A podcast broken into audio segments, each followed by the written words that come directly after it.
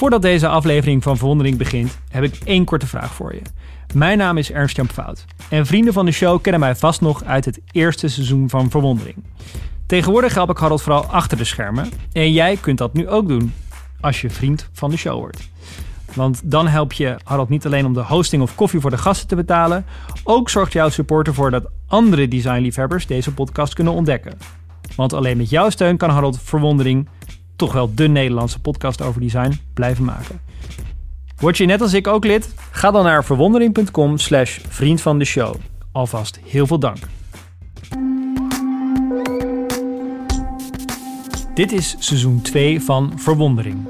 Een podcast over design waar je beter van gaat kijken. Elke aflevering spreekt Harold Dunning met andere ontwerpers en ondernemers over de impact van hun werk. Samen verkennen zij wat een ontwerp goed maakt. Want, gelooft Harold, door samen beter te kijken ga je meer zien. Als de oprichter van strategisch designbureau Momkai is Harold gefascineerd door gebruikerservaringen. En als medeoprichter van journalistiek platform De Correspondent weet hij als geen ander hoe je een merk neerzet en de ervaring voor leden tot in detail ontwerpt. Zijn Monkai-team is dan ook wereldwijd veel gevraagd voor het ontwerpen van een member experience. Verwondering is misschien wel de meest visuele podcast ter wereld.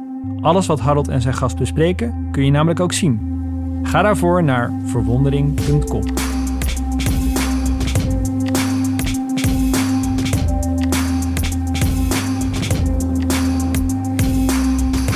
Ontwerpen leer je niet op school. De praktijk, dat is de beste studie. Daar merk je of er een community is voor de soort designs die je maakt. Schetsen, releasen, op je weg gaan, opnieuw proberen.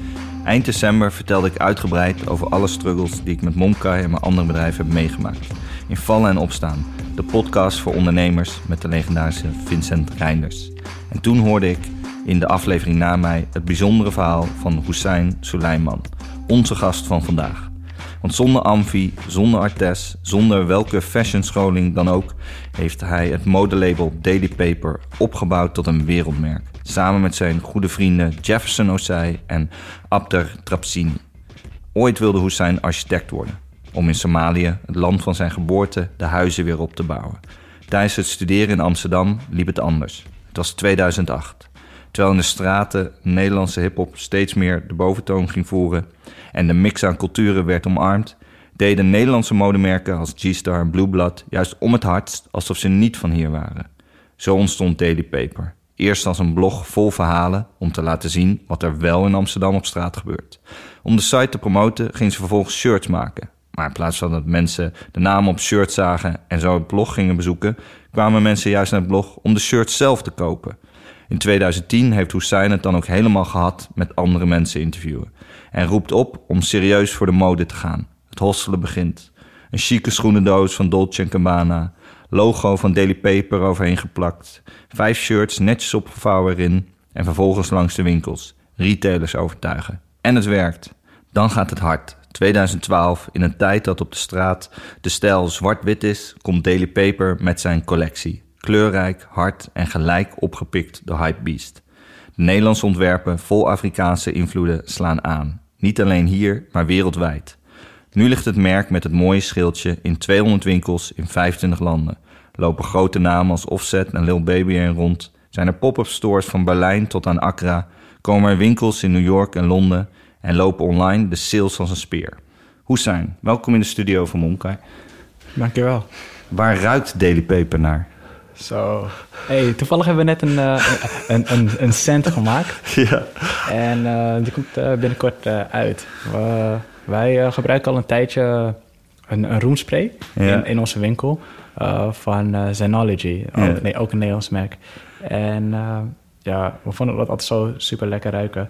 En ja, toen dachten we van, ja, nu gaan we meerdere winkels openen ik, uh, ik vind wel echt dat het overal hetzelfde moet gaan ruiken. En mm -hmm. uh, toen heeft mijn partner Abdet Trapsini, terwijl ik in New York woonde, he, heeft hij veel met, met hun gezeten en heeft hij een scent ontwikkeld. Dat, ja, als ik de ingrediënten opnoemen, zou, zou ik het nog steeds niet kunnen beschrijven. Het is echt iets wat je moet, moet gaan, gaan ruiken.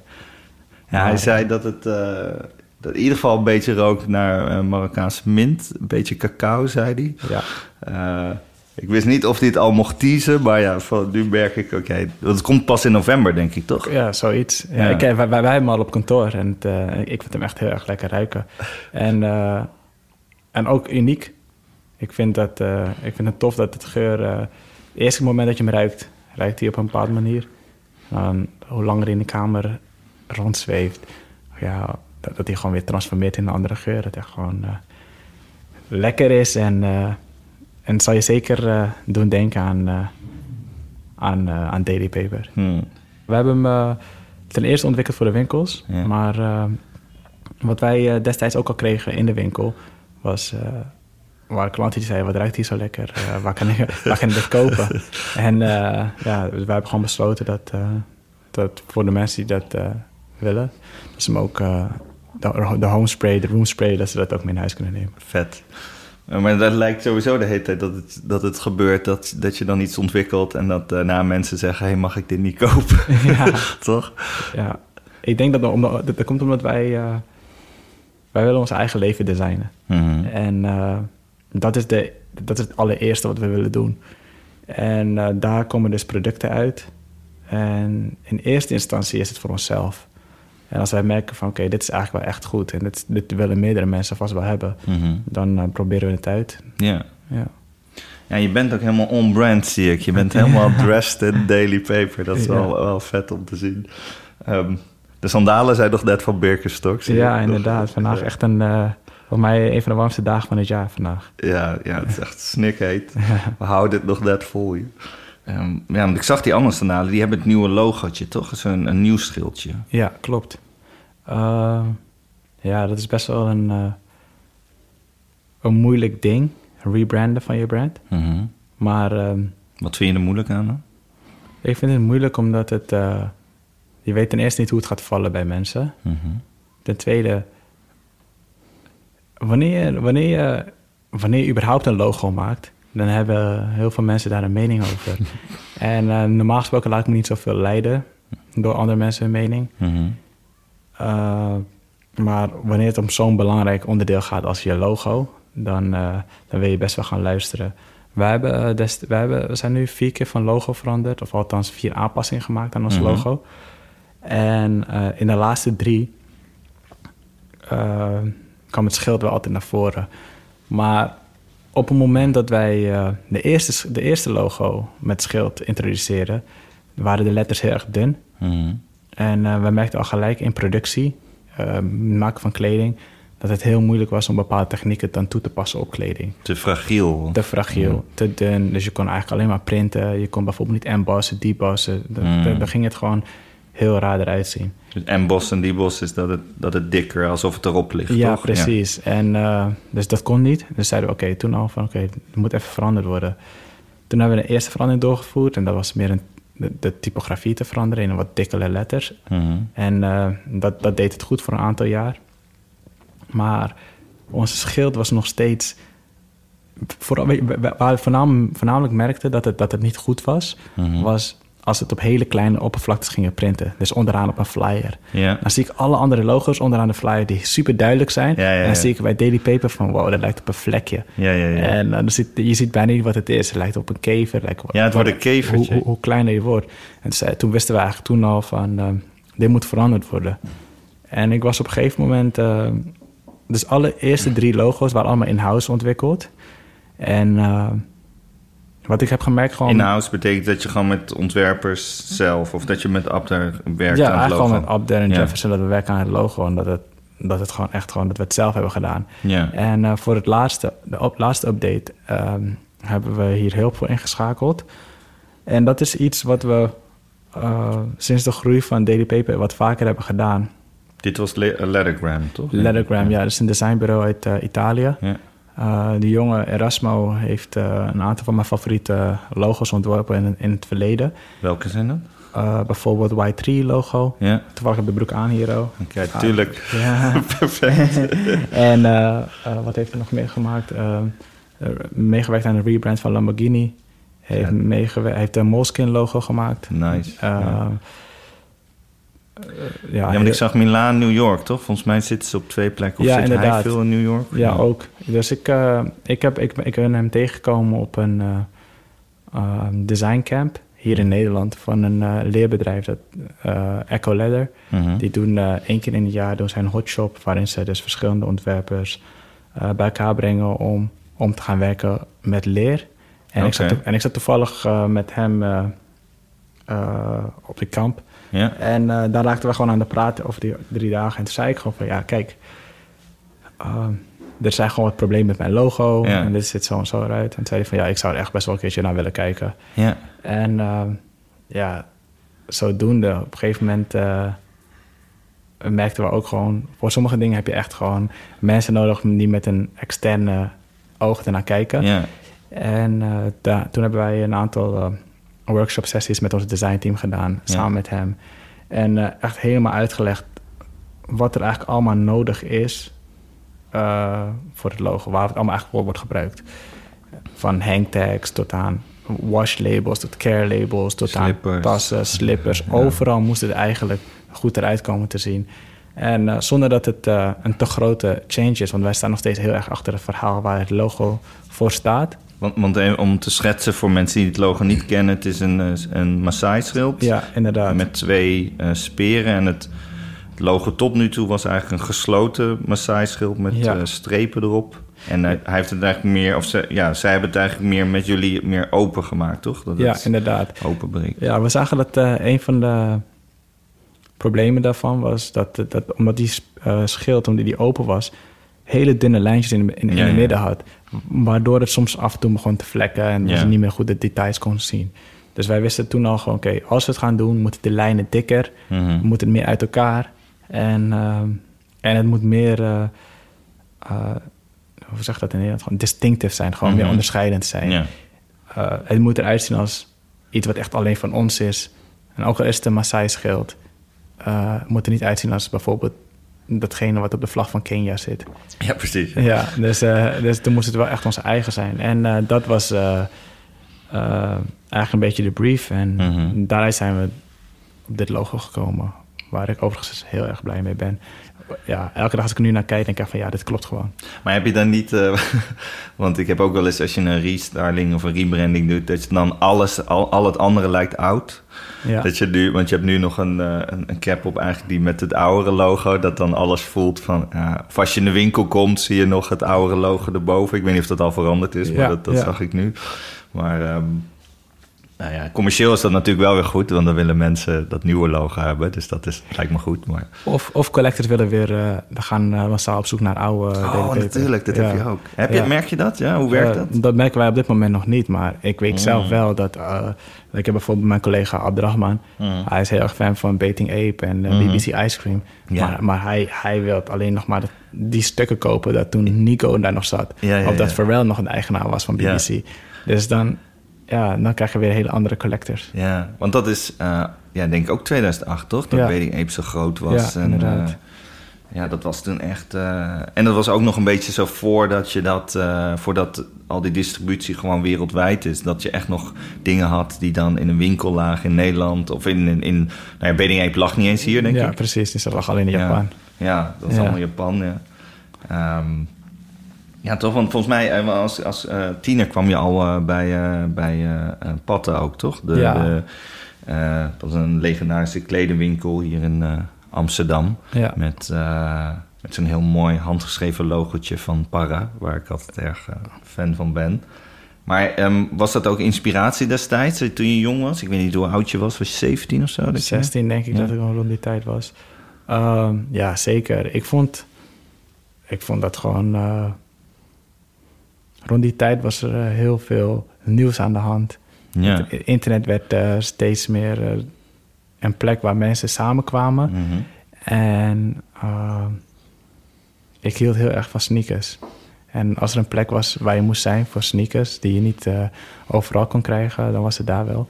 Ja, want zij gingen ook, Edson en zo, die gingen gewoon echt zelf reizen. Ja. En dan gewoon met cash in de broekzak gingen zij sneakers kopen bij, bij, bij hele obscure zaakjes ver weg. En namen dat ook weer mee terug in hun begindagen. Inderdaad. Ja. En, en destijds was Echt het ook... eh, destijds was ook... eh, je ging naar de winkel om, eh, om jezelf te, te informeren over dingen. Ja, ja, ja. ja. Niet online, ja. Ja, precies. En tegenwoordig komen de kids binnen bij ons in de winkel. met een plaatje van wat ze willen hebben. En dan zeg maar, yo, hebben jullie dit? Ja, ja, en dan zeg ik, oh ja, dat hebben we. En dan, dan verkoop je dat aan ze.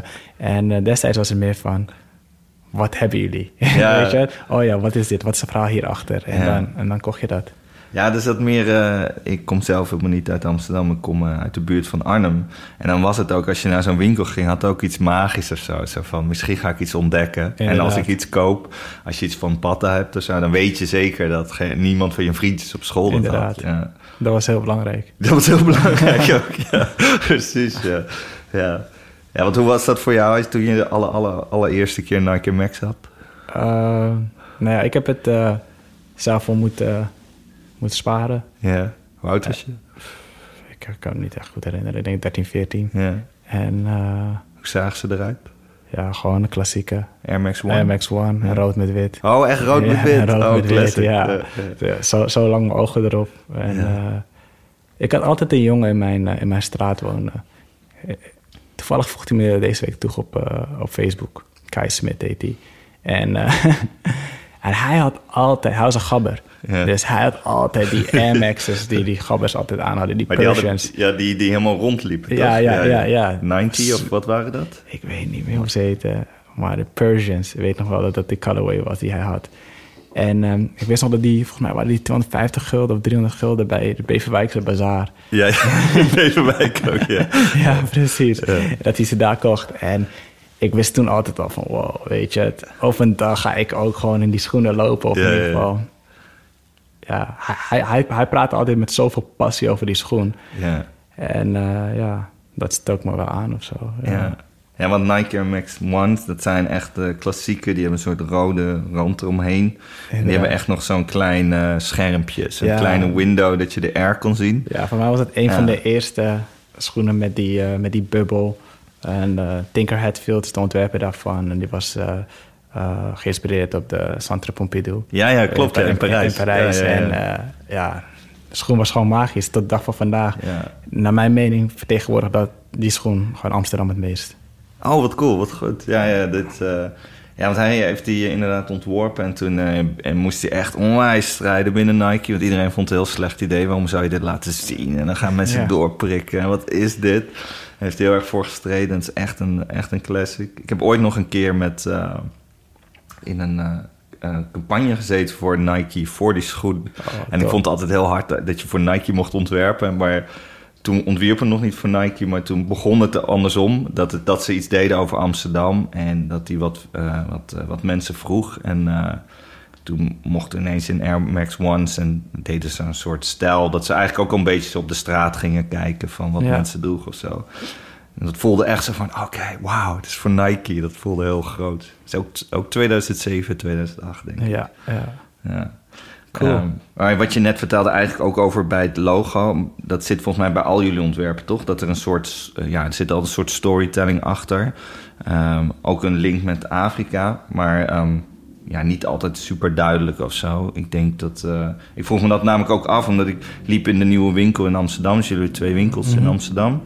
Uh, en dan zie je de eerste vloer volgens mij veranderd. Dat was eerst een soort patroon. Ja. En dat is nu een soort, ja, het lijkt bijna, het is helemaal ja, tinten grijs, maar het is een soort steen gebroken. Het lijkt meer als een soort ja, droge, gebroken aarde. Ja.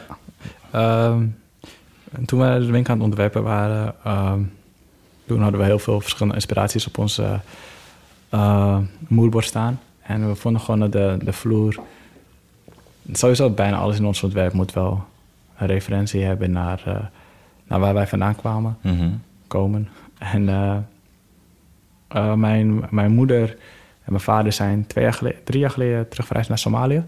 En oh. toen ze mij foto's sturen van hun tuin, wat, wat ik cool vond is dat zij op die modder, eigenlijk die modderpaden hadden zij dus eigenlijk allerlei verschillende soorten tegels. Ja. Allemaal gewoon resttegels die allemaal gebroken waren en helemaal ja. niet, niet recht lagen uh, gezet. En dat maakte zo'n patroon dat, ik, dat het gewoon super tof was. Vet. En dat hebben wij dus gebruikt als inspiratie voor onze vloer. Oh, nice. Nice. Wat vet. Maar het lijkt me wel moeilijk, want je kan... Of tenminste, je kan er nu niet heen vliegen, toch? Want als je daarheen vliegt, dan kan je je... Ja, dan, dan krijg je een stempel, toch? In je, ja. paspoort. Ja, ik denk dat ik weet niet of heel veel mensen het weten, maar ongeveer volgens mij is het in 2017, nee 2016. Ja. Toen uh, Trump net, uh, net president was geworden. Uh, een van de eerste dingen die hij had ingesteld was een zogeheten moslimban. Ja, wat dus helemaal geen moslimban is. Nee. Het is gewoon een ban voor, voor wat landen die, die niet precies doen wat hij wil ja. dat ze doen. En dat zijn landen als Somalië, Irak, Iran, Afghanistan, Libië, Sudan. En volgens mij, ik vergeet nog wel wat. Maar uh, die heeft gezegd van uh, iedereen die hier vandaan komt... Uh, is niet meer welkom in de, in de Verenigde Staten. Ja. En ja, daar zijn wel gewoon manieren omheen hoor. Ik denk, ik denk niet, op dit moment denk ik niet dat als ik daarheen ga... dat dat een probleem is. Maar ik weet wel dat in de eerste jaar daarvan... Ja. daar heel veel vraagtekens over waren. Mag ik nu wel gaan of mag ik niet gaan? Ja, want ze hebben toen een soort van ook bijna overnight ingesteld. Ja, inderdaad. En dat het super stress, wat ze later nog een keer mee hebben gedaan, maar dan voor iedereen toen corona uitbrak. Ja. Maar um, ja, en volgens mij gaat het erom als, of je hebt een, een, paspoort van een van die landen of je hebt een stempel. Inderdaad. Ja. En uh, nou, ik had geen paspoort. Ik heb geen paspoort van Somalië. Dus uh, dat was je bent er wel geboren? Ik ben er wel geboren. Ja. Dus uh, officieel heb ik er recht op. Ja. Maar omdat ik als een baby hier was gekomen, ja. heb ik het nooit gehad. En ja, gewoon een beetje raar allemaal. ik, uh, ik, vind, uh, ik vind er heel wat van. Maar ja, wat, wat, wel grappig was rond die tijd, is dat het was zo ongeregeld dat, dat niemand eigenlijk wist van, Hé, mag ik nou wel of mag ik niet? Ja. En later werd, werd gewoon duidelijk dat, oké, ik heb een Nederlands paspoort, ik mag gewoon het land in en het is geen probleem. Maar heel veel mensen willen het nog steeds niet riskeren om naar een van die landen te gaan. Omdat je daarvoor dus een extra afspraak moet maken ja. bij de ambassade. waardoor ze kunnen zeggen van nee, je bent niet meer welkom. Ah, maar je bent niet meer welkom in Amerika? In Amerika, ja. ja. Want nu heb je een B1, je hebt een zakelijk visum. Ik, ja, ja. ja, ik heb zakelijk en ik ben ja, binnenkort volgens mij ook een andere visum. Okay. Gewoon dat ik daar ook wat langer mag zitten dan zes maanden tegelijkertijd. Ja. ja, want nu woonde je er echt uh, vorig jaar? Ja, ik heb, uh, ik heb dus een... We hebben met DDP daar een woning. Ja. En uh, het idee is dat sowieso wij, al heel vet is. Ja, super ja. tof. En dat we daar um, roleren en dat wij als partners zijnde... gewoon wat meer kennis op gaan doen op die markt daar. Ja. En ja, dus ik, heb, ik ben de afgelopen jaar heb ik daar heel veel gezeten. Ja, het is wel grappig. Nou, grappig. Wij uh, zouden 2 april open gaan. Mm -hmm. En een soort van jaar naartoe gewerkt. En super nerveus natuurlijk. Wat gaan we doen? Gaan we serieus hier open? Volgens mij was het iets van 13 of 14 maart. Bam, persconferentie Donald Trump. Ja, grenzen gaan dicht voor iedereen in Europa. Oké, okay, cool. Maar toen viel het nog niet helemaal, niet zo snel. Toen dacht ik van, oh shit. Dus nu kunnen mijn co-founders kunnen dus, weet je, Abdurrahman en Jefferson Ja. kunnen niet komen voor 2 april. Dat is twee weken later. Want jij was al in New York. Ik was al in New York. Dus ik denk, hè, gaan ze niet wel kunnen komen? en uh, toen dacht ik, weet je wat, dan wordt er even iets uitgesteld. Misschien, misschien uh, een paar weken later. En uh, ja, het ging eigenlijk alleen maar... Het werd heel, heel snel, heel erg in New York. En uh, vanaf dat moment tot en met uh, dat ik wegging... Ik ging 25 april weg. Dus dat is iets van uh, zes weken bijna dat ik uh, in corona New York zat. En ik had de eerste drie weken gewoon hoop van... dit is zo weer voorbij, weet je. Dat kan toch niet? Ze gaan New York toch niet dichtgooien? Dat kan toch niet? Ja, ja, ja. En uh, ja, en toen Dat kan je ook helemaal niet voorstellen. Ja, ik kon niemand voorstellen. Ja. Maar zeker niet als je er zit, toch? Nee. Dat is, gaat altijd door. Ja. En uh, op een gegeven moment zat iedereen binnen. En ik weet, vanaf mijn, vanaf mijn appartement heb ik uitzicht om bijna heel New York. Ja, echt zeker. Ik kan bijna alle barrows zien. Wat En- zit je boven de winkel of zit je... Ja, ik, zit, ik zit wel aan de Lower East Side, maar ik zit, ik zit best wel hoog in een, uh, in een, uh, een appartementencomplex. En ja, ik kijk dan zo om me heen. En uh, die straat, de Lancy Street, is een van de drukste straten van New York. Dat is Mhm. nog eigenlijk, uh, daar heb je de Williamsburg Bridge. Mhm. Dus iedereen die vanuit Brooklyn, nou niet iedereen, maar veel mensen die vanuit Brooklyn komen, die komen via die brug. Ja, dan ben je al op die straat, toch? Ja, dat precies. is de straat. Ja, dat is de straat. Dus dan dat is meestal zo, dat is altijd super druk. En nu kijk ik naar buiten en ik zie gewoon niemand. niemand op straat. En dan denk ik van oké, crazy. En dan check ik het nieuws. En New York was heel erg hard getroffen. Dus was volgens mij iets van 200.000 cases in a matter of weeks. En rond, rond, die periode dacht ik van oké, ehm, misschien is het wel even gewoon een goed idee om gewoon terug naar Nederland te gaan. Mhm. En in de tussentijd krijg ik al berichten van Nederland van ja, we gaan de winkel volgende week weer open doen in Nederland. En denk ik van jongens, dat kan niet. We, moeten, we, moeten, we moeten allemaal binnen blijven. En uh, dan denk ik van, weet je wat, doe eens even rustig, man. Maar omdat het gewoon echt twee, twee, twee werelden waren. New York was heel anders dan, dan Amsterdam op, dat moment. En uh, toen kwam ik terug naar Amsterdam. Zag mensen fietsen, mensen chillen. Ja, ja, ja. ja. Toen dacht ik van, oh, zo kan het ook. Wow, dit is best, wel, best wel een hele andere, andere wereld. En uh, ja, sinds dat moment zit ik eigenlijk in ja, in Amsterdam. Ik heb wel bericht gekregen dat ik terug kan naar New York als ik zou willen. Uh, voor, voor werk. Ja. Uh, en moet ik een aanvraag doen bij de, bij een ambassade. Maar uh, ja, ik, ik bel veel met de mensen die daar zitten. En ik zeg van, ja, hoe zit het daarmee? En hoe, hoe gaat het nu? Mm -hmm. En de eerste winkels zijn nu open aan het gaan mm -hmm. in New York. En mensen wennen er steeds meer aan dat ze weer kunnen gaan shoppen... en weer hun leven op een of andere manier weer kunnen hervatten. Ja. En ja, en ik ben iemand die... Ik, ik ga altijd uit van mijn gevoel. En we gaan de winkel openen wanneer het goed voelt. Ja. Ja, en wat je net zei van die twee werelden... dat zou ik ook gewoon vasthouden, hoor. Want ik, ik pendelde ooit heel veel heen en weer tussen Amerika en hier. En uh, als je daar zit, dan denk je ook echt dat Trump er helemaal te doet... dat alles daarover moet gaan. dat, uh, en ook, ik kan me helemaal voorstellen dat als je in coronatijd daar bent... dat het gewoon mental is. Dat het zo... Ja. Toch, dat ze echt... Dat ik merk dat zo, zeker in het nieuws en zo, dat er zoveel bangmakerij zit. En dan kom je hier en dan denk je, oh, oké, okay, oh, zo kunnen mensen ook met elkaar overweg gaan. Oké, okay. ja. ja. Ja, dat is wel... Um, want ik dacht, um, het lijkt me dat jullie dat uh, eigenlijk al veel eerder zagen aankomen, corona, toch? Omdat je ook produceert in China. Ja. En dat je daar al merkte dat, uh, dat dingen onhold gingen. Ja, we merkten daar eigenlijk, ja, dat het eerste moment dat je uh, een beetje te horen krijgt van, oh ja, dit, dit, uh, dit heeft wel effect op uh, onze business, of in ieder geval op ja, hoe wij onze goederen krijgen op dit moment. En, uh, Wat, hoe merkte je dat dan? Kreeg je berichten van, van de fabrieken of hoe gaat zoiets? Ja, wij waren gelukkig, het geluk dat wij een merendeel van onze collectie voor, voordat het heel erg gek ging in China, mm -hmm. al eruit hadden. Mm -hmm. Maar we waren wel bezig met uh, de samples voor de collectie die wij dus in juni moeten laten moesten laten zien. Mm -hmm. uh, dus dat is een collectie die we dus eigenlijk in winter 2020, winter 2021 lanceren. En, uh, laten zien betekent dat je dat aan retailers Ja, retailers zien. laten zien om, uh, om daardoor weer orders te kunnen verzamelen. Ja. En die kreeg op een gegeven moment heel erg veel delays. En uh, ja, dat is de eerste keer dat we daar, da daarvan iets merkten. Maar over het algemeen, uh, qua, omdat wij meer dan volgens mij 85% van onze producten uh, wordt in Europa gemaakt. Dus, dus, wij merkten niet heel snel hele gekke dingen ja. op onze supply chain. Ja, want ik begrijp, begreep dat je, je sokken in Polen maakt. Ja, sokken in Polen.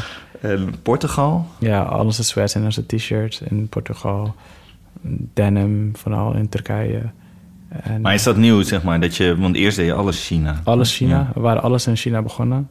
En uh, uh, het is, uh, weet je, het is met, met het produceren van kleding. Is, je wordt eigenlijk een soort van... je, kan, je kan heel veel willen, ja. maar willen fabrieken jou wel. Ja, ja, ja. En de beste fabrieken zeggen ze dat, ze dat die in Europa liggen. Ja. Daar heb ik me vooral mijn vraagtekens over. Maar niet altijd zo technisch. Nee, niet altijd ja. zo technisch, maar ook niet. Uh, uh, ja, ze, ze hebben niet altijd die productiecapaciteit die andere landen hebben. En ze hebben ook niet. Uh, ze hoeven niet ze, omdat er zoveel, men, zoveel vraag daarna is om ja. in Europa te produceren, hoeven ze niet met je te werken, tenzij jij ja, met die aantallen doorkomt, dat voor hun goed genoeg is. Ja. En ja, wij hadden dat. Toen wij begonnen met het maken van daily paper kleding, uh, komen aanzitten met, uh, yo, ik wil 100 t-shirts maken. Yeah. Ik wil per kleur. En dan zegt elke fabriek in Europa, zegt, ja, kom maar terug als je er 500 per, per kleur kunt maken. En uh, Maar je bent toen alleen naar China gegaan, helemaal in je up. Ja, dat was wel crazy. Was, ja, ik weet ook echt... Soms, soms denk ik echt bij mezelf van... Yo, what was I thinking? Gewoon. Maar... Hoe oud was je, denk je? Ik denk dat ik toen 21, 22 was. ja, toen uh, mijn broer gevraagd, zei, yo, hey, ik moet gewoon naar China, man. Ik moet gewoon... En dit kwam eigenlijk omdat ik... In het begin ging gewoon mensen mailen die, mm. die, die het al deden. Ik zei mm. van, uh, hey, uh, heb je enige tips? Kan je me helpen? Ik wil kleren maken. en daar krijg ik geen respons op. Vond ik, op dat moment vond ik dat best wel moeilijk. Ik denk van, waarom kunnen ze niet even reageren? Mm. Maar nu begrijp ik het wel. ik, eh, ik, uh, nu je grote orders bedoelt, oh, doet. En nee, om, nee, omdat ik weet dat die vraag heel erg common is. Ja, ja. Het is echt letterlijk een vraag die ik meerdere keren per dag krijg. Ja. En uh, het beste wat ik mensen altijd kan meegeven is... als je nog niet heel veel weet van productie... Ja dan is Google gewoon je beste vriend. ja, ja, ja, ja. Weet je, daar heb je echt gewoon het meeste antwoorden op. Je kan op heel veel fora's kan je, kan je heel veel informatie inwinnen. En als je het echt wilt, dan moet je gewoon een keertje afspraak maken met een fabriek. Ja. En daar naartoe vliegen. Ja, en van, van Abdor uh, begreep ik, Abdor doet ook uh, veel van de collectieontwerpen bij jullie. Dat die, uh, dat die ook gewoon heel veel leerde. Je stuurt het op, dan krijg je vragen terug. Ja. Dan ga je die oplossen, stuur je terug, ja. komen weer vragen. Dat is je school eigenlijk. Inderdaad. Ja. ja, bij mij was het soort van, ik ging naar de fabriek en ik uh, werd acht uur s ochtends opgehaald. En, ik, en acht uur s avonds kwam ik weer terug. En dan elke dag voor, voor een maand. Ja. En uh, daar kon ik letterlijk alles vragen wat ik wou. Ja. Van ik wil een t-shirt maken, wat heb je daarvoor nodig? Dan krijg je de checklist.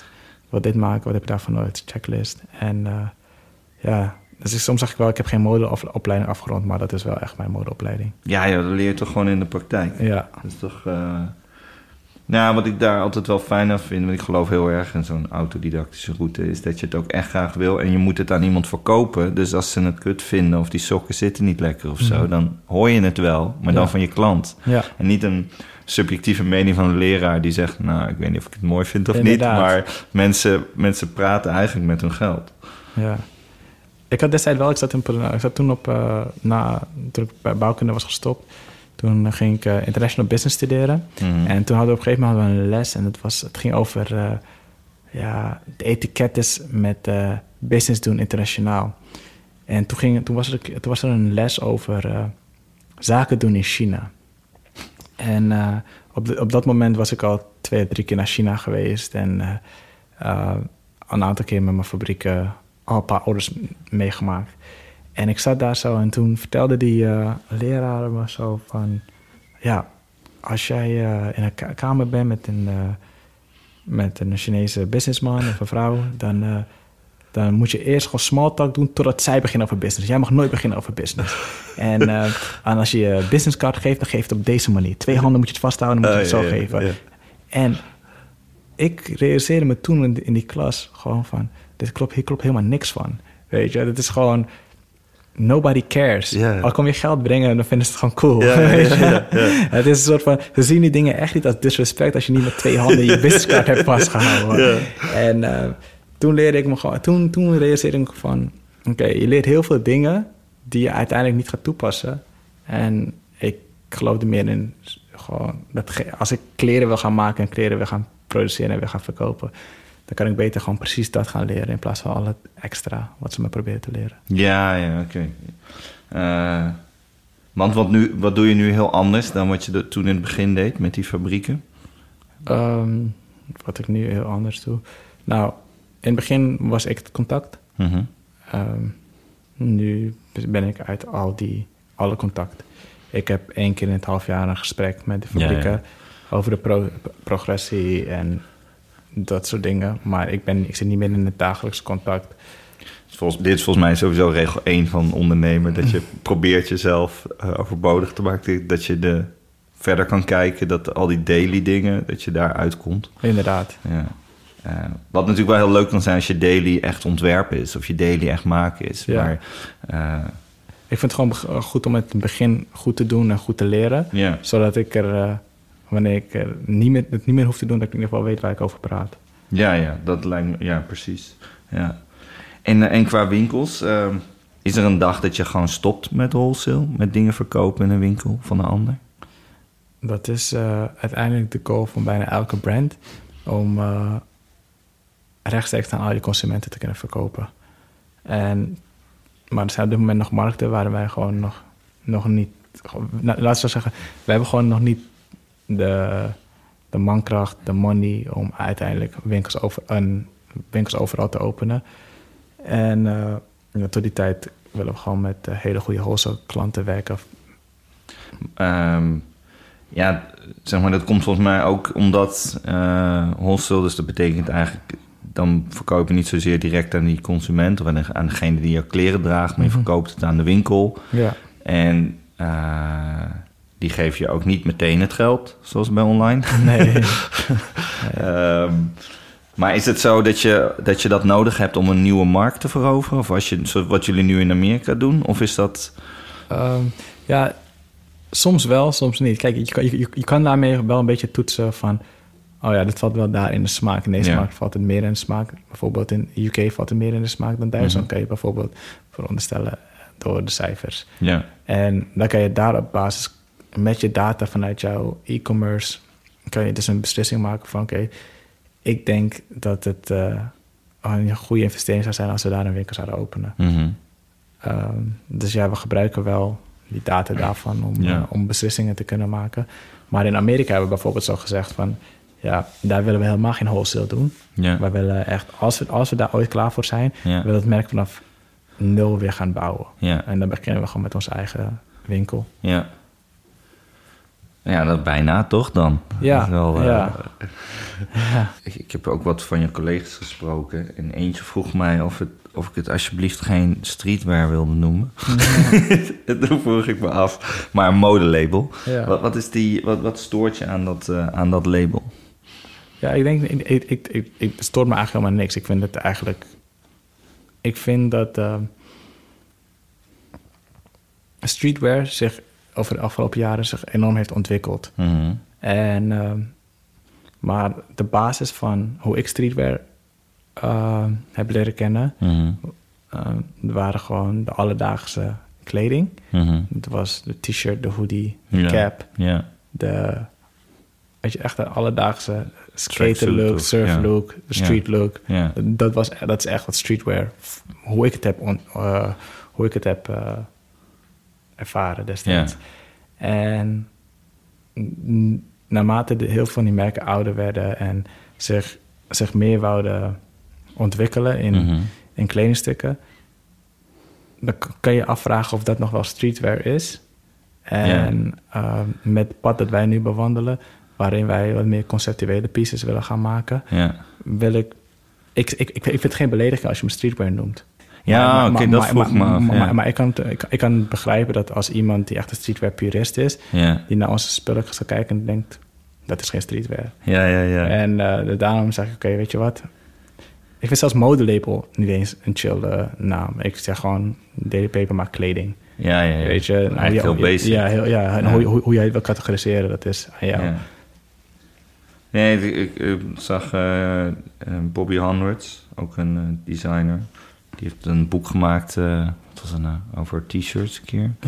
Ja. Um, dat, want die worstelde, of tenminste, ja, die zei ja, het is zoveel voor zoveel mensen. En sommige mensen denken bij die t-shirts en die ballcaps dat het gewoon meteen uh, dat dat hip-hop of skaterstaal is of iets. Maar het is in principe, hij noemde, merch, hij noemde streetwear gewoon uh, merchandise associated with an attitude. Ja. Dat vond ik ook wel, ook wel heel, erg, heel erg mooi. Um, ik kan me ook voorstellen, ja, zeker als je jonger bent, dan is dat ook belangrijker dan als je wat ouder wordt, dan kan je dat misschien meer los. Vroeger zat je toch ook op uh, uh, Nike Talk. Ja. En dat, dat je dan uh, alles bijhoudt en Inderdaad. dat die labels belangrijker zijn. Ja, nu vind ik het misschien ook belangrijk om roomsprays te maken of geur. Geur of incense ja. of kaarsen. Ja. Weet je, of een handdoek. Misschien vind ik dat, ja, als ik dat leuk vind, dan vind ik dat leuk. Ja, ja. Als mensen zeggen van, ja, maar dat ain't streetwear. Nou, dat, is, dat, dat is voor iedereen anders. Ja. ja. Ja, je hebt dan eigenlijk in principe gewoon je eigen tekentafel gecreëerd... waar je, jij met, met, met, uh, met Abder en Jefferson en jullie hele team gewoon dingen kan creëren die je wil. Ik vind sowieso labels heel moeilijk. Dus of het nou streetwear is, of dat het kledinglabel is. Ja, wat is Daily Paper nou? Als ik ooit iets heel anders wil gaan maken dan alleen maar kleding, dan zou dat ook toch moeten kunnen. Ja. Dus ik... Nou, dat doen jullie volgens mij ook heel erg. Je doet ook uh, collabos met... Uh, uh, je hebt een kunstenaar met een kunstenaar, Thijs Biersteker. Zag ja. ik iets voorbij komen. Ja. een plant bij... dit was in Parijs, volgens mij. Dat, bij de, tijdens de Fashion Week... Dat, die had samen met jullie planten gemaakt. Ja, artificiële planten die data binnenkregen... volgens mij van hoe het regenwoud... Ehm, eh, hoe, hoe, hoe snel die omloopsnelheid is van hoeveel er gekapt wordt. En op daar, basis daarvan, dit klinkt echt heel abstract, dit gaan we in verwondering.com in de gallery stoppen. Het is heel mooi wijk, uh, heel mooi werk van een biersteker met, met jullie samen. Maar dat is ook uh, ja, bijna meer een soort maatschappijkritiek om te laten zien hoeveel uh, eigenlijk gekapt wordt in, in de Amazonewoud. Inderdaad. En we proberen steeds nog steeds thema's aan te halen die belangrijk zijn voor onszelf, voor onze collega's. En uh, die we aan het licht willen brengen door mhm. middel van onze platform. Mhm. En uh, naarmate dat wij groeien, zullen we echt steeds meer uitstapjes buiten het maken van kleding doen. Ja. Dat is niet de enige manier hoe wij kunnen communiceren. Nee, nee, nee. nee. Dat, nou, dat je, met je platform bedoel je ook hoe zichtbaar je bent. Of dat je, als je een campagne doet, dat, dat mensen dat ook weer zien. Dat je dat allemaal gebruikt om ook andere dingen aan de kaak te stellen. Inderdaad. Um, je noemde ook wel eens uh, Takashi Murakami als uh, inspiratie. Dat is een uh, Japanse kunstenaar. Ja. Ik denk als mensen het zien, dan ken je het als een soort hele vrolijke stijl. Lijkt heel toegankelijk. Het zijn allemaal hele vrolijke gezichtjes, bijna echt wel heel Japans. wat ik wel heel interessant vind bij hem is dat, dat hij heel artistiek en heel commercieel weet te verenigen. Een beetje zoals Warhol. Ja. Wat vind jij interessant aan zijn werk? Ja, ik vind hem niet per se een inspiratie. Oké. Ik, vind hem, ik vind het heel cool wat hij maakt. Ja. Het is niet dat ik dat, ik dat ook wil gaan doen. Oh nee, ja, ik bedoel het niet meer, maar meer dat je... Inspiratie kan je in principe uit alles halen. Ik bedoel niet, ik, ik, noem hem niet als je, uh, je, je voorbeeld of zo, maar meer gewoon... Ik dacht meer te zien bij, te, in het verband tussen jullie zeg maar, en hem, is dat, hij dus, dat je dus juist die, die, dat artistiek of het, een soort creatiedrang ook combineert met... Kan ook gewoon verkopen. Ja, ja. ja dat vind ik inderdaad ook heel, heel mooi aan, uh, aan zijn werk. Maar wat ik uh, vooral ook heel tof vind is... Ja, hij kan geen woord Engels. en en uh, overal op de hele wereld vinden mensen hem super tof. Maar enige manier bijna hoe hij communiceert is door zijn werk. Ja. En, en op een of andere manier raakt dat iedereen over de hele wereld. Mm. sommige mensen vonden het heel tof vinden. Sommige mensen omdat Kanye West het heeft gebruikt als een cover. ja, ja, dan kennen ze het dus, ook. Uh, het zijn uh, verschillende manieren. Ja, ja. Uh, ja, dan moest ik ook nog aan denken bij Virgil Abloh. Dat is de creative director van Louis Vuitton. Die um, natuurlijk ook nog met, met Kanye werkte. En eigenlijk Kanye's droombaan heeft afgepakt... door, door Vuitton de creative director te worden. Um, die had volgens mij net zo'n moordend reistempo als wat, uh, wat jij uh, en volgens mij jullie alle drie hebben, volgens mij. Ja. Dus uh, om de, weet ik veel, acht, acht keer per week of zo in een vliegtuig. Um, hoe, hoe, is dat voor jou nu? Want je, jullie zijn eigenlijk noodgedwongen helemaal dat reistempo helemaal teruggebracht tot... Nul. Ja, nul, ja. ja um, Kijk ja, je anders? Ja, het is op een gegeven moment dan, dan realiseer je wel van oké, okay, wow de afgelopen acht jaar ben ik eigenlijk alleen maar onderweg geweest, heel de tijd aan het rennen. En nu moet ik gewoon thuis zitten. Ik ben op een gegeven moment ben ik nu. Was, afgelopen week was ik bijna elke dag rond 7 uur thuis. En dan was mijn avond voorbij. Gewoon was het gewoon klaar. Thuis is nog wel, is, woon je nog boven de winkel? Ja, boven nog de winkel. wel. Okay, ja, ja, dus, dus, je thuis komt, zie je nog wel heel groot. Ja, precies. Maar ik ben dan gewoon thuis en dan, dan denk ik, wow, ik heb echt heel veel vrije tijd nu. En Want anders had je, moest je vliegen of had je weer een opening? Of had je ja, ik ben... Ik, bijvoorbeeld New York is bijvoorbeeld zo'n plek... Dat, uh, waar ik dus de afgelopen anderhalf jaar voornamelijk zat... is dat uh, je kan de hele dag werken... maar je bent ook de hele avond op pad. En er is altijd iets leuks te doen. Ja. En uh, een half jaar daar is een jaar hier... qua, qua hoeveel je leeft en qua ja. hoeveel je doet. Ja. En ja, die snelheid was er opeens uit. Ja. En ja, dan op een gegeven moment moet je andere dingen doen. Dan moet je op andere manieren inspiratie zoeken. Ja. Mis je het? Ik mis het enorm. Ja, ik, uh, maar die energie? Of? Ja, ik, ik, ik, ik, ik heb soort van e- echt een... Uh, de visie dat ik, dat ik, omdat ik nu relatief jong ben... Mm dat ik dan zoveel mogelijk wil gaan bouwen. Hoe ben je nu? 30? 31. 31. En dat ik nog zoveel mogelijk wil gaan bouwen. En ik merk dat omdat ik nu... Toch weer een architect eigenlijk. Ja, toch? ja, ik wil gewoon wel gewoon gebruik maken van mijn, van mijn jeugd op een of andere manier. En uh, mijn energie en mijn drive. En ik heb geen, uh, geen kinderen. Ik kan gaan en staan waar ik wil. En dat wil ik uh, zoveel mogelijk benutten. Zodat ik hopelijk op een gegeven moment ja, wel echt mijn dromen waar heb gemaakt. Ja, ja. Ja heel mooi. Ja. Ik ben ooit uh, ontwerpbureau begonnen in een tijd dat ik dacht: ik heb geen, uh, ik heb geen hypotheek, ik heb geen hond, ik heb geen kinderen, ik heb helemaal niks waar geld aan uit kan. Dus er is geen, als mensen vragen wanneer moet je beginnen, er is geen beter moment dan nu. Gewoon Ja. begin. Ja. Doe het gewoon. Um, waar, waar droom je nog van dat je zou heel graag zou willen ontwikkelen? Uh, manufacturing. Wat je eigen fabriek? Eigen fabriek. Niet voor Daily Paper, maar gewoon eigen fabriek. Waarom niet voor Daily Paper? Omdat ik vind het een beetje raar om uh, een eigen fabriek van een brand te maken. Ik wil juist dat... Is dat raar? Ja, ik, weet, ik weet niet hoe dit precies werkt. Is dat, is dat gek? Uh, hebben fabrieken... Zijn er, zijn er bedrijven ik denk, die dat ik, ik, ik, ik, denk dat, uh, dat, uh, dat je als bedrijf zijnde je voornamelijk moet focussen op je core business. Ja. Hetgeen wat je heel goed kan en heel goed kan doen. Ja. En, maar wat is dan ontwerpen en het, en het verkopen of het verhaal eromheen vertellen? Van, van, van kleding. Dat, Ja. uh, dat kunnen wij op dit moment best goed. Ja. En ik denk het weer opnieuw beginnen te leren van een heel proces. Dus het uh, creëren van je eigen fabrieken. Dat is weer gewoon weer vanaf nul beginnen. Mhm. En het brengt heel veel risico's met zich mee. Mhm. En ja, dat zou ik nog wel een keertje willen doen. Maar, Maar dan- ik snap nog steeds niet waarom dat dan niet bij, waarom dat dan niet voor Daily Paper is. Of dan, dan zie je het als iets los of zo. Ik zou heel tof vinden als Daily Paper daar zou produceren. Maar dan ook anderen, die mogen ja, ook maar ook anderen, ja. Ja. En waar zou je dat dan willen doen? Ik zou het liefst in Somalië willen doen. Om uh, ja, daar te helpen, te kunnen helpen op, uh, aan hun export. En, en waar dan? Bij Mogadishu of heel ergens anders? Dat moet ik nog wel eventjes gaan onderzoeken.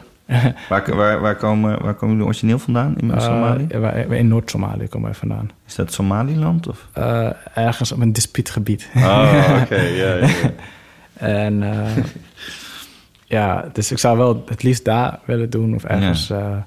waar het logistieke zin heeft. Ja. ja. Ja, want jullie hebben wel al dingen gedaan in Ghana en in Marokko, waar je, waar je twee co-founders vandaan komen. Ja, inderdaad. Er komt binnenkort wel iets heel tofs aan uit wat we, wat we in uh, Mogadishu hebben ontwikkeld. Ja? Wat dan? Uh, een voetbalschool. Een voetbalschool, ja. vet. Oh, en daar heb je ook shirts voor gedaan. Ja, de, de, de, die komen nog wel. Okay. Nog best wel, best wel cool. Ik heb toevallig deze week uh, de eerste foto's van ons uh, van, de, van de bouw gezien. Ja. Maar het is gek dat je er dan niet heen kan. Ja, ik ga er wel heen. Hè? Ja? Ja, als God het wilt. en maar hoe doe je dat dan? Heb je dan familie die daar, uh, die daar meehelpt? Of hoe ja, we hebben, ik heb gewoon vrienden die daar zitten. Ja. Underground. En uh, ja, gewoon vertel dat ik dat heel graag zou willen doen. Ja. En dat ik enorm veel plezier uit, het, uit voetbal heb gehaald toen ik jong was. Ja. En dat uh, als ik kijk naar... Uh, je hebt ook heel veel shirts. Ja, heel ja. veel. En als ik kijk naar hoeveel mensen daar voetbal spelen en niet op de juiste faciliteiten, uh, dan dacht ik, ja, misschien daar kan ik wel iets aan doen. In ieder geval op kleine schaal. Ja. En toen dacht ik, ja, dan, dan uh, financier ik, financieren wij gewoon met Daily Paper een voetbalschool en bouwen we dat gewoon. Vet. En dan uh, creëren we daarvoor de tenues en dan... Hoe ziet het tenue eruit? Ja, super tof. Het ziet eruit als... Uh, ja, we hebben op, op het nationaal embleem van Somalië staat, staat er een luipaard. Uh, oh, de vlag is een ja. uh, lichtblauwe vlag met een met, witte ster. Ja, inderdaad. Maar op het uh, de National Crest zie je twee luipaarden die eigenlijk de vlag vasthouden. Vet. En ja, dus de, de, de home and away jersey is een, is een zwart shirt met luipaardprint. En, nice. en de thuisshirt is een geel shirt met zwart luipaardprint. Details daarvan. Vet. En waarom geel? nou, dat is de kleur van de luipaard. Oh ja. ja. ja, heel simpel, ja. ja. Want ik vond die lichtblauw ook altijd heel mooi. Maar het is eigenlijk best wel een nieuw ontwerp, toch? Die vlag is maar uit de jaren 50, volgens mij, van Semane. Uh, ik heb echt geen ja. idee wanneer die precies is ontwikkeld. Maar uh, 1960 volgens mij. Ja. Die voor het eerst is uh, opgehezen. 1 juli. Maar het is een voetbalschool. Het is niet een voetbalclub, zeg maar. Dus ze hebben, maar ze hebben dan wel... Ja, het is geen voetbalclub, omdat er geen competitie is daar. No, dus, ja, okay. ja, dus, je, dus je moet eerst uh, opleiden. En wanneer gaat dat open? Uh, ik weet het niet. Ik heb het, uh, het veld staat er al. Uh, tribunes moeten gebouwd worden. uh, shirtjes zijn, zijn niet in productie. Ja. ja, dus het is volgens mij gewoon voor het eind van het jaar. Ja, het is toch vet dat je, dat je geurtjes maakt of een voetbalschool. Of, uh... Ja, toch. Ja. Dat, dat is uiteindelijk waar je naar terug, terug wil gaan kijken. Je wilt er niet gaan terugkijken dat je denkt van... oh ja, ik heb altijd hetzelfde gedaan. Ja. Een soort van... Wat, wat, wat ik tof vind van Daily Paper is... we hebben gewoon een, een, een, een, een, bedrijf gecreëerd... waarin iedereen's mening ertoe doet. Mm -hmm. En uh, we zijn... niet al onze overwegingen komen... komen het, hoe zeg je dat? Het maken van winst of het maken van Mhm. veel, verdienen van veel geld. Het gaat er echt ons vooral om zoveel mogelijk toffe en coole projecten te doen waar, uh, waar we gewoon uh, gelukkig van worden. Ja, dus je kan terugkijken en denkt, fuck, ik heb dat wel gedaan. Ja, precies. Als je, als je kijkt naar wat, uh, wat we in Ghana hebben gebouwd, als we kijken naar... Wat heb je in Ghana gebouwd? Ook een voetbalschool. Ja, nou, in ieder geval een voetbal... In Accra dan? In Accra, ja. ja. Maar dat was voor een... nou, in ieder geval op een school hebben wij een, uh, een ja, kleine voetbalstadion, nou, voetbalveld gebouwd. Ja. Met, met kleedkamers, tenues. En ja, dat, ja, dat is gewoon tof. Dat lijkt mij zo vet dat ja. je gewoon, ook, ook, überhaupt, dat je dus een heel tenue kan ontwerpen. Zo. Ja, ook heel cool. En het is ook gewoon tof dat we, we waren volgens mij, we, nee, we waren afgelopen december, waren we daar weer teruggegaan. En toen hebben we Mhm. daar een voetbaltoernooi gespeeld.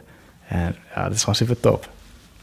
Je hebt ook zelf gespeeld? Hè? Ik zelf niet. Ik was die dag vertrokken. Maar, okay. mijn, maar mijn collega's die hadden, uh, hebben daar dus een voetbaltoernooi gespeeld. Ja. En uh, volgens mij voor acht teams weer uh, allemaal tenues ontworpen. Maar je hebt voor alle teams een tenue ja, ontworpen, ja, natuurlijk, uiteraard. Ja, dus... en verkopen die dan ook? Of is dat alleen nee. voor daar? Of je hebt wel een pop-up shop gehad, toch? Ja, we hebben een pop-up store gedaan. Ja. En die bleef daar drie weken open, vier weken. Ja, dat was gewoon heel tof en daar hebben we heel veel energie uit gekregen. Ja. En uh, dat willen we voornamelijk ook gewoon blijven doen. Ja. Uh, vooral voor de lokale uh, jeugd daar. Ja. Die, die, die vinden het super tof. Die, die, die, die zien uh, eigenlijk alle grote streetwear brands voornamelijk zich focussen op Tokio, New York, LA, Londen, Paris. En uh, die komen nooit daar. Ja. En uh, ze zijn zij vinden het ook, zij vinden het ook tof. Ja. En, uh, dus, uh, en die energie, dat merk, die kregen we ook echt heel erg veel terug. Ja, nou, en dan, precies. En dan, dan raak je toch ook weer creatief gewoon geïnspireerd, zeg maar. Dingen gaan ook niet altijd letterlijk in geld, toch? Het is toch gewoon vet dat je het daar kan maken? Of, uh, is het ook moeilijk? Is het ook, heb je ook andere problemen dan je hebt in New York of in Londen? Ik denk dat je overal wel problemen hebt. Ik denk dat, nee, maar zijn, wel, zijn het anders? Is het, is sommige, is, zijn sommige dingen dat je denkt, shit, het is echt zo anders dan hoe ik het in Europa of hoe ik het in Amerika doe? Nee, niet per se. Niet per se. Ik heb niet echt iets heel geks meegemaakt daar dat ik dacht van, oh ja, dat is heel anders. Jammer. Uh, ja, nee, ik heb, geen, ik heb geen gek verhaal voor je. Shit. Nee, het, was gewoon, uh, het ging gewoon super goed. En uh, ja, wat wel anders gaat is gewoon ja, de hoeveelheid mensen en de energie die mensen brengen, dat is gewoon echt uniek. Ja. Dat is gewoon ja, bijna onbeschrijfelijk.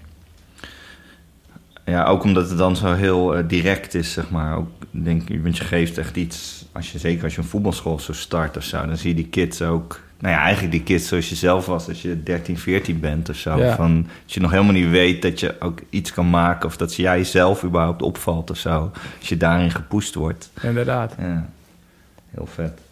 Als, als laatste vraag, die vraag ik eigenlijk iedereen. Is er, is er een uh, ontwerp, mag, mag elk design in de wereld zijn, een, een ontwerp waar jij het meest, uh, meest dankbaar voor bent? Hmm. Wauw, moeilijke vraag hoor.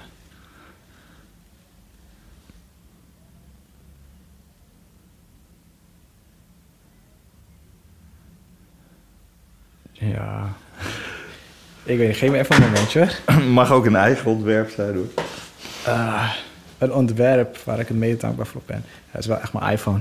Ja, hij valt net op de grond. Echt wel ja. En dacht ja. van ja, er is niks waar ik zoveel tijd door heb gebracht dan met een, het ontwerp van, uh, van wat Apple heeft gecreëerd. Vet. Het is, uh, het is mijn portal naar de wereld, als het ware. Als dat er niet was, dan zou, het heel, dan zou de wereld heel anders uitzien. Wist je dat er uh, twee Nederlanders... Er was een heel klein designteam van acht. De achtste is Steve Jobs. Ja. en twee van die zeven waren Nederlanders. Oh. Die, dat, die die allereerste iPhone hebben ontworpen. Ik heb ze allebei ontmoet. Wow.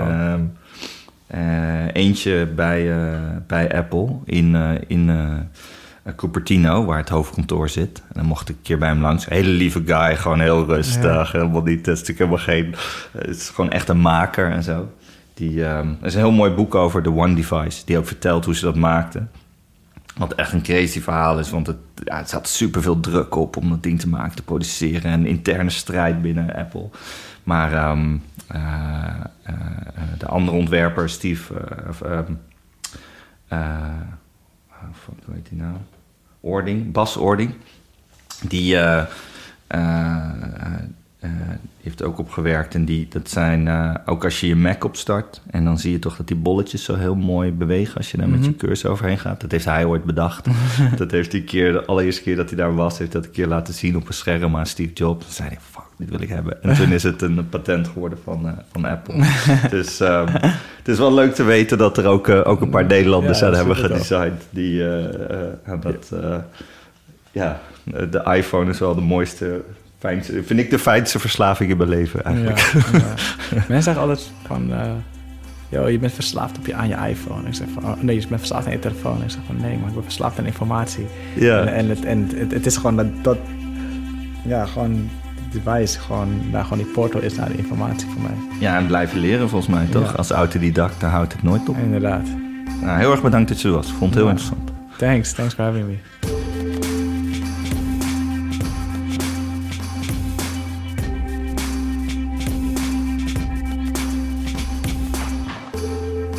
Wil je deze podcast steunen? Ga dan naar verwondering.com slash vriend van de show. Als vriend van de show kun je reageren en steun je ons als makers. Zodat we de hosting kunnen betalen, koffie voor onze gasten kunnen inkopen en bovenal dat we dit als liefhebbers van design kunnen blijven maken voor jou. Wil je met jouw organisatie, groot of klein, start-up of skill-up, ook eens met Huddles design team werken? Ga dan naar momkai.com of stuur Harold een berichtje op Instagram.